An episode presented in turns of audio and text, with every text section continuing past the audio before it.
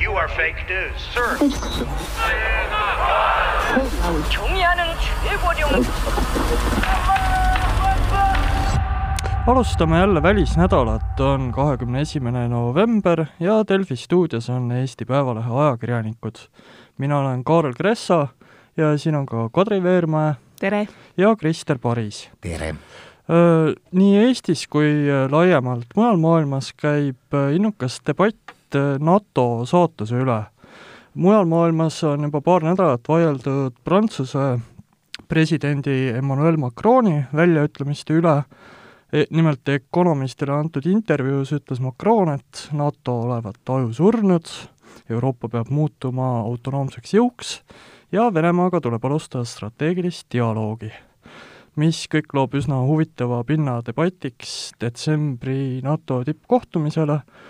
Ka Eesti poliitikud on pidanud juba kommenteerima NATO väidetavat ajusurma, nagu ka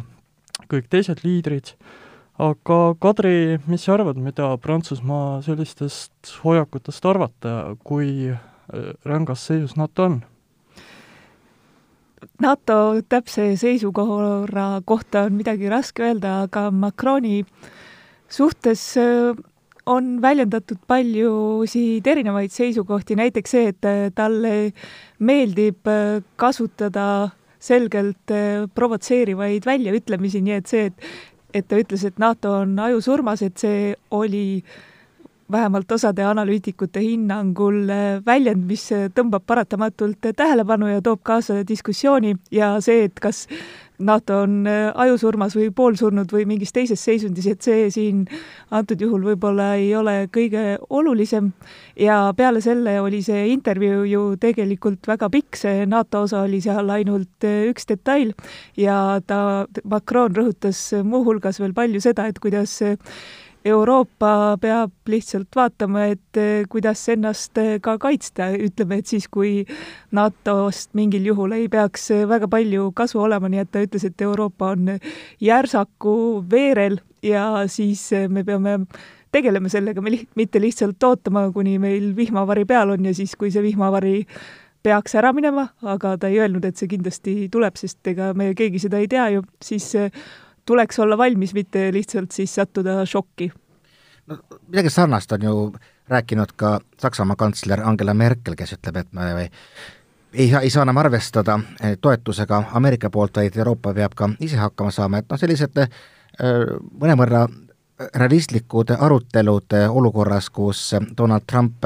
on näidanud üles võimekust teha suuri kannapöördeid ja ka oma liitlastele tõmmata külma vett peale, viimati siis kurdide koha pealt on noh, olemuselt, olemuselt ühest küljest väga teretulnud, noh, Macronil on kindlasti ka oma, oma agenda, et eks, eks Prantsusmaa on juba ajalooliselt ajanud pigem ikka sellist äh, esiteks eurotsentrilist ja teiseks ikkagi siis äh, Prantsusmaa keskset äh, välis- ja julgeolekupoliitikat juba, juba Charles de Gaulle'i aegadest saadik ja näinud nagu maailma teadlikult ja rõhutatult siis teise mätta otsast, kui on Ameerika Ühendriigid. et noh, NATO on kõikvõimalikke kriise läbi elanud noh, ennegi, ennekõike isegi mitte võib-olla kas just kriise, aga kohti, kus on raske võib-olla leida ka oma selget rolli, no mäletame, kui olid üheksakümnendate lõpp ja nullindad, siis NATO tegeles kuskil kaugel suurte operatsioonidega ja nii-öelda kaitsealliansi esmane funktsioon jäi kuskile tahaplaanile, nüüd on jälle olukorrad muutumas, et et nagu, nagu diskussiooni mõttes on, on kõik õige, noh, see ajusurm kahtlemata ei ole nagu mingite selgete faktidega kinnitatud ses mõttes, et ei ole olnud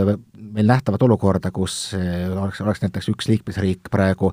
mingeid otsuseid selgelt blokeerinud, no samamoodi ju ärgitab ka, ka Donald, Donald Trump NATO liitlasi lihtsalt rohkem kulutama, et selle koha pealt on kõik hea, mis muret teeb, on, et võimalikud NATO vastased ainult naudivad olukordi, kus äh, saadetakse välja sõnumeid, mis jätavad mulje, et NATO ei pruugigi tegelikult toimida. kui nüüd vaadata seda debatti, mis äh, NATO raames käib, siis noh, Prantsusmaa on selgelt öelnud oma seisukoha, ka Prantsuse meedia nagu Le Monde'i kolumnistid ütlevad, et Euroopa peabki üles ärkama, Äh, võtke asja tõsiselt, siis on äh, oma seisukohta muidugi Ida-Euroopal, mida väljendasid sel nädalal nii president kui välisminister, Kersti Kaljulaid ütles Reutersile teisipäeval, et NATO on seni väga hästi toiminud, mida näitab see, et keegi ei tungi NATO-le kallale, Urmas Reinsalu rääkis samal ajal Poliitikule, et äh, NATO on jätkuvalt ühtne ja võimekas organisatsioon, millel ei ole alternatiive ja noh, umbes sama rahustavaid aitsusi on teinud ka sakslased, kes nüüd äh, tegid äh, NATO peasekretärile Jens Stoltenbergile ettepaneku moodustada töörühm või komisjon uh., aga samal ajal näiteks Saksa roheliste kaasjuht Robert Habeck ütles, et Macroni võiks kuulata aga siit nüüd väljendubki Saksa ja Prantsuse positsiooni erinevus, et kui Eestis käis paar nädalat tagasi kaitseminister Florence Parly, siis tema rõhutas, et peamine julgeolekuoht on terrorism ja tuleb vaadata lõunasse, eelkõige Aafrikasse ja Araabia maadesse. ja seesama Saksa roheliste asejuht teatas meie suureks heameeleks, et Euroopa kaitse nurgakivi peab olema see, et Balti riigid ja Ida-Euroopa peavad olema kaitstud, mis on roheliste sujust ikka jällegi selline vau wow,, aitäh aga ja kui mõelda kunagi Joška Fischeri peale, kes oli nagu väga tugevalt üldse igasuguse äh, sõjaliste äh, operatsioonide ja sõjalise sekkumise vastane. aga no kui me nagu mõtleme võimalike alternatiivide peale, siis ega nad kõik on sellised noh, unistused ikka on mõeldud, siin on olnud Euroopa kaitseinitsiatiivid ja, ja üks ja teine välja käinud mõtted Euroopa armeest, aga nad kõik on jäänud selliseks väga algjärgus unistusteks, et kui hakkab jutt minema nagu reaalsele planeerimisele, kuidas korraldada logistikat ja kõike muud, siis ähm, pigem ikkagi nii-öelda kaine pilguga äh, vaatlejad ütlevad, et see tähendaks kõige paremal juhul dubleerimist, halvemal juhul ikka täielikku kaost ja, ja võimalik, et ka NATO enda tegutsemise takistamist, me ikkagi peab aru saama, et valdav osa Euroopa Liidu riikidest on NATO-s. Ja jällegi mõned ei ole ja on NATO-s mõned, mis ei ole Euroopa Liidus, eks see tekitaks tohutult palju segadust, et jah, nagu peamine, miks sellest üldse räägitakse, nagu tõsiselt ongi hirm äh, Äh, eraatilise käitumisega Donald Trumpi ees, kes iseenesest võib mingisuguse tuju ajal ka NATO lepingu puruks rebida. aga võib ka seda mitte teha aga kui rääkida veel äh, Saksamaast ja Prantsusmaast ja nende suhtumisest NATO-sse, siis samal ajal, kui see Macroni suur kuulus intervjuu ilmus, siis äh, pidas ühe väga huvitava kõne ka Saksa konservatiivist kaitseminister Annegret Kramp-Karrenbauer ehk AKK ja vähemalt hilisemate analüüside järgi oli seal ütleme, eurooplastel ei olnud seal midagi väga üllatavat, aga sakslaste jaoks oli seal selliseid tõdemusi, mida nad ei ole pikka aega kuulnud, näiteks rõhutas AKK, et et sakslased peavad olema ka oma huvide eest väljas ja see oma huvide eest väljas olemine on Saksamaal olnud pikalt selline äh, asi, millest ei räägita ja mis on äh, väga halva kõlaga, aga AKK rõhutas seda ka veel, et ei saa oodata, et tuleb hakata tegutsema, aga tema ei, äh, erinevalt Macronist ei rõhutanud, et peame olema valmis selleks, et kui NATO kaob, et mis me teeme, vaid hakkame kohe neid Euroopa alustalasid äh, kuidagi paremini ühendama, aga mis see loomulikult täpselt tähendab, et see väga selge ei ole, aga see, aga see kõne ja see fakt ise on suhteliselt äh, huvitav äh, nähtus. ja kus viib mingisugustegi nii-öelda positiivsete arenguteni, nii nagu noh, hästi palju on ju räägitud sellest nii-öelda Euroopa kaitse Schengenist, et siiamaani ei saa NATO oma vägesid ilma suurema bürokraatiata vedada üle Euroopa Liidu liikmesmaade riigipiiride. ehk siis kui, kui kas või näiteks selles valdkonnas kogu selle tu-, diskussiooni tulemuseni kuskile jõutaks, oleks juba midagi saavutatud? no see ongi üks peamiseid eesmärke praegu Euroopa kaitsepoliitikal. aga kui rääkida positiivsetest tagajärgedest, ma arvan, siin tuleb tunnustada just president Trumpi agressiivseid väljaütlemisi, Annegret Kramp Karren Bauer käis välja, et Saksamaa kahe tuhande kolmekümne esimeseks aastaks, ehk siis juba meie eluajal, hakkab täitma NATO kahe protsendi soovitust. ja Macron lubas mulle, et Prantsusmaa jõuab aastaks kaks tuhat kakskümmend neli ehk kaks aastat pärast Prantsuse järgmiseid presidendivalimisi selle tärminini. ehk siis kõik näitab, et maailm on muutunud märgatavalt eh, ohtlikumaks, kui kaitsekulud tõusevad, see nüüd laias laastus ei pruugi tingimata turvatunnet sisendada ja Saksamaal puhul on muidugi ka see, mida sakslased ise kogu aeg rõhutavad, et eh, üks asi on see kaks protsenti, et ütleme, et mis Eesti puhul tähendab kaks protsenti ja mis see Saksamaa puhul tähendab, et see on ikkagi erakordselt erinev number ja sakslased rõhutavad kogu aeg ka seda, et nemad panustavad väga palju ka muul moel ja lisaks nad on juba suures summas tõstnud oma kaitse-eelarvet jah, et Saksamaast saaks vist eh, NATO kas suuruselt isegi teine eh, kaitsekulutaja, mis ajaloolist perspektiivi arvestades tekitab naabrites kahtlemata väikest närvilisust. Aga kui tulla selle Venemaa strateegilise dialoogi juurde, siis eelmine nädalavahetus tuli oluline teade, et Prantsusmaal tõesti toimub nüüd Ukraina rahukõneluste järgmine voor pärast kolmeaastast vaheaega ja selles nähakse jälle eeskätt Prantsuse presidendi initsiatiivi, Vene meedia hinnangul. See on Putini poolt nagu eelkõige vastutulek Macronile, mitte kellelegi teisele. Ja Ukraina opositsioon muidugi maalib igasuguseid hoiatavaid pilte president Zelenskõi jaoks, mis sealt võib tulla. eile president Zelenskõi ütles, et tema pea, esimesed eesmärgid rahuprotsessiga on kõigi Ukraina vangide vabastamine ja see, et tekiks mingisugune reaalne relvarahu, mitte nii, et nagu praegu on, paar päeva ei tulistata ja siis hakatakse vaikselt jälle laskma. no ja siis käib seal noh, tema soov oleks kuidagi ikkagi läbi viia nii-öelda noh, reaalsed valimised, valimised siis ähm, Ukraina ter-, territooriumi, mitte nii-öelda ajutiselt okupeeritud, pluss veel ka kauges perspektiivis siis ka piiri üle kontrolli saavutamine, no eks näis, just rääkisin eile ühe äh, Ukraina diplomaadiga ja küsisin, et kuidas, kuidas üldse nagu ukrainlased seda kõike vastu võtavad, sa mainisidki just ka äh, presidendile võimalikku vastuseisu riigis, et ega see mure on, on päris suur ja mure on nagu mitmepoolne, et ega president ei pea niivõrd kartma ütleme poliitikuid või, või raadat, aga ikkagi sedasama Maidani. inimesed juba on tulnud välja, avaldanud meelt, aga see diplomaat ütles, et jah, aga me praeguses olukorras on meie siht näidata ka sellist järjepidevust, et tegelikult nende ettepanekutega laias laastus tuli juba välja ikkagi ka eelmine võim juba Petro Porošenko poolt, kellega lihtsalt küll Venemaa põhimõtteliselt läbi rääkimast keeldus, aga see on olnud nagu Ukraina positsioon, nad pole enda väitel midagi muutnud, ehk siis nad demonstreerivad oma järjepidevust, et et siis äh, anda võimalus ka, ka teistele osapooltele. Aga ma saan aru, et väga suuri lootusi sellele kohtumisele ikkagi ei panda, et sealt ei oodata, et nüüd tuleb täielik läbimurre ja siis Donbassi küsimus saab korralikult lahendatud, nii et pigem on ikka tõesti, nagu sa, Karel, ütlesid, et Putini vastutulek Macronile, ehk siis eh, Putinile kindlasti ka seesama eh, Macroni intervjuu, mida kõik tsiteerivad, oli teatavaks muusikaks kõrvadele, eriti mõtled ikkagi nii-öelda Venemaa kaasamiseks ja siis äh, miks mitte teha oma poolt vähemalt žest ilma mingite, mingi nagu sellise reaalse sisuta. ja Macron on ju lubanud järgmisel aastal võidupühal minna ka Moskvasse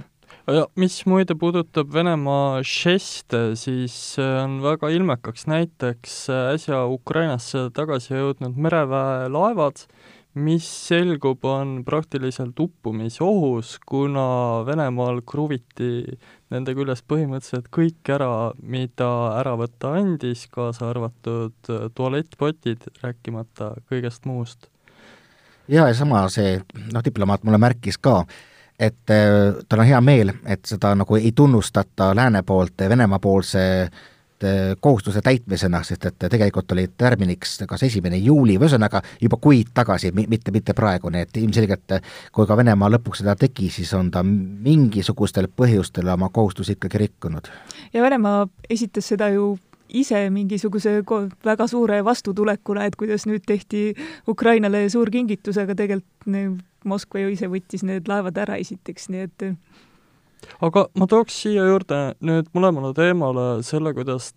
debatte nähakse USA-s, ehk siis äh, täitsa teistmoodi, mis puudutab NATO debatti, siis on Ameerika pool praktiliselt vaikinud, Mike Pompeo ütles kuu alguses, et NATO on väga tore,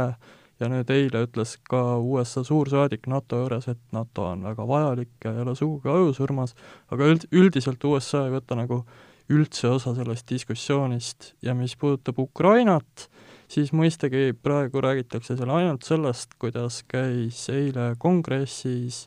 USA suursaadik Euroopa Liidu juures, Gordon Sondland, kes millegipärast käis Ukrainas äh, mõjutamas kohalikke ametnikke, et nad teataksid Joe Bideni vastasest uurimisest. Ja me teame seda sellepärast, et äh, Sondland täpselt nii eile ka kongressis ütles ja põhjendas seda sellega, et talle andis käsu selleks president Donald Trump isiklikult, mille peale Valge Maja teatas, et Sondlandi tunnistus vabastas Trumpi igasugusest süüst. Ja mis, mille peale tegi Putin ka veel avalduse, kus ütles, et tal on väga hea meel vaadata, et USA on lõpuks hakanud tegelema tõeliste normaalsete probleemidega, mitte, mitte ei tegele selle Vene, Vene uurimise jätkamisega ja siis tekitas head meelt tas ka veel see, et Ukraina on sellises ikkagi pigem negatiivses rollis kui positiivses, ehk siis mida oligi vaja tõestada, nüüd tõestus. jaa, ega kõik need arengud on näidanud, kuivõrd kergesti võib üldse endast sõltumata sattuda haamri ja alasi vahele, et noh, mis, mis siis nüüd Ukraina süüdi on, et ta on tegelikult tõesti saanud väga tugeva polariseeritud märgi endale külge või nagu tulla ka varasema jutu juurde, siis mida tegi Põhja-Makedoonia valesti, et ta Kreekaga ära leppis, tegi kõik, täitis kõik tingimused, et temaga alustatakse liitumiskõnelusi Euroopa Liiduga ja siis sama Macron ikkagi põhimõtteliselt blokeeris selle. Ja siis eh, järgmisel nädalal tuleb Eestisse ju veel Ukraina president visiidile ja ma ei tea, kas ta pressikonverentsi korraldab või mitte, aga kui sealt talt küsida selle Ukraina afääri kohta USA kontekstis, siis võib kindlasti näha väga huvitavat reaktsiooni, sest ta on juba öelnud, et ta on täiesti tüdinud sellest teemast ja Ukraina siin on, ei mängi mingit rolli, vaid see on USA sisepoliitika, kus Ukrainat kasutatakse põhimõtteliselt ära. Ja veel, kui Macroni käitumise juurde tagasi tulla, siis äh, ütleme, rahustuseks võiks rõhutada seda, et äh, kordagi ei ole jutuks tulnud Vene-teemaliste sanktsioonide kaotamine, jutt käib strateegilisest dialoogist, sest et venelastega võiksime hästi läbi saada, aga mitte keegi ei ole üritanud väita, et sanktsioonid saaksid kaduda enne, kui vähemalt Donbassis saabuks rahu jaa, ta on ikkagi alati rõhutanud, et see on tingimuslik seos Venemaa käitumisega sellele. ja Macroni puhul on öeldud ka seda, et, et kuigi vahepeal on vaadatud, et ta on liigselt Vene-sõbralik, siis võib-olla on asi ka selles, et tema näeb ohuna Hiinat ja seetõttu on parem suhelda Venemaaga lähemalt, et Venemaa ja Hiina omakorda ei moodustaks mingit ühisrinnet aga te olete mõlemad jälginud, mis toimub Ukraina naaberriigis Valgevenes praegu, et seal olid nüüd sama parlamendivalimised, äh, kuidas need läksidki? väga hästi. kes võitis? raske, raske öelda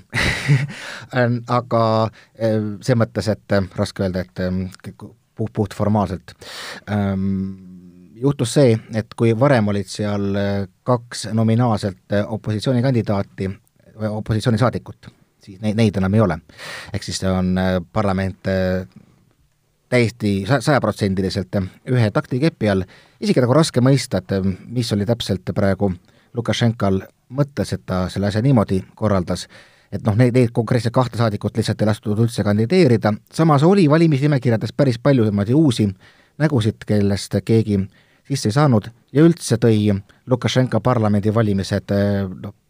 peaaegu umbes aasta ettepoole, kui oleks seda muidu pidanud toimuma, ja küllap ta ikkagi peab silmas nagu tähtsamat eh, harjutust, milleks on kuskil järgmisel aastal, no võib-olla augustis tulevad eh, presidendivalimised, mis on nagu ainukene selline nagu reaalne jõuproov Valgevenes, et ega parlamendist ei ole seal sõltunud aastast üheksakümmend neli-viis mitte midagi, ehk siis on noh, opositsiooni poole pealt on ka päris palju nagu vastuolusid, et kas üldse osa võtta või et noh, näiteks väga paljud neid ka kahte opositsioonisaadikut kritiseerisid, et neid pigem nagu legitimiseerivad siis Lukašenka režiimi. et ega sellest jah, see oli mingi hu-, huvitav harjutus, mille mõte on isegi raskesti arusaadav. aga lisaks veel juurde, et äh, Lukašenko tegi pühapäeval huvitava avalduse, et teadupärast detsembris peaks äh, tulema Valgevene ja Venemaa vahel äh, uus leping kahe riigi majandussuhete äh, lähendamiseks, aga Lukašenkale ei meeldi see, et Venemaa tahab tõmmata ära oma energiasubsiidiumid Valgevene kodanikelt ja nüüd Lukašenka jälle jonnib ja ütleb, et ta ikka detsembris ei pruugi allkirjastada seda lepet. tähendab, eelmise aasta lõpus hakkas see uus nii-öelda Vene surve pihta kus vahepeal tekkis ikka täitsa isegi Lukašenka poolt nähtav närvilisus, kui hakati jälle rääkima liitriigist, noh mis olemuselt siis võiks tähendada Lukašenkale äh, Valgevene oblasti juhi kuberneri kohta, mitte, mitte enam sõltumatu presidendi kohta ja, ja Putinile siis võimalust uuesti äh, Äh, saa kandideerida järjekordseks ametiajaks nüüd juba siis liitriigi presidendina. no need subsiidiumite ärakaotamine, see on üks tugevaid hoobasid Venemaa käes, äh, hinnanguliselt umbes kümme-üksteist miljardit äh, dollarit aastas, Valgevene jaoks vägagi oluline summa, et, et ja jällegi, kui me enne tõime siia sisse Hiina, siis hiinlased on olnud siiamaani üsnagi varmad neid auke ära ka katma, et hiljuti oli, kus Venemaa tõrkuse umbes saja miljardi suuruse laenu väljamaksmisel äh, ja, ja, ja, ja hiinlased olid siis äh, kohe valmis oma poolt pakkuma viissada, eks, eks sellised, äh, seal juba mäng käib mitte enam ainult Lääs versus Venemaa, nagu on olnud varem, vaid on tulnud mängu ka nii-öelda kolmas tegur. kuid tõsi, teatav mure on Valgevene võimude poolt Venemaale otsa vaadates tunnetatav aga Hiina kohta veel tuleb seda lisada, et Hiina on mingis mõttes mugavam partner Valgevenele, sellepärast et see tüütu inimõigusteema, mida lääne esindajad alati sisse põimivad erinevate kokkulepetega seoses, siis hiinlastel on sellest üsna ükskõik. aga kui rääkida sellest liitriigist veel, siis ma lugesin just hiljuti intervjuud Valgevene opositsionääriga Andrei Sannikoviga, kes käib tihti ka Eestis ja on ka kandideerinud Valgevene presidendiks kunagi. ja siis eh, tema tuletas meelde, et see üldse, see liitriigi loomise idee tuhande üheksasaja üheksakümnendal aastal, millele siis äh, Valgevene ja Venemaa allkirjad panid, et selle üks mõte oli Lukašenkal seda teha, sest ta ise tahtis selle suurriigi juhiks saada, et,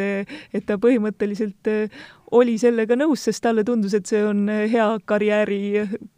karjääri niisugune redelil ülesminek, aga noh, see on asi, millega praegu pole eriti midagi teada või pole midagi teha selle teadmisega. aga ma ei tea üldse, kui palju Lukašenka saab otsustada, et nüüd Valgevene ei eh, nõustu mingit koostöölepet tegema, et me, mulle tundub, et väga isetegevust ei ole võimalik Minskil teha suuresti. üks Valgevene noh, opositsioonimeelne ekspert äh, ütles väga hästi selle kohta, et äh, Valgevene on suvel Euroopa-meelne ja talvel Venemaa-meelne, ehk siis sõltub jällegi, kui palju parasjagu on vaja energiakandjaid, aga üldiselt on valgevenelased äh, pigem ikkagi seda meelt, et ega Venemaa-poolne nagu allaneelamine niisama lihtsalt ei lähe. et ikkagi on päris tugev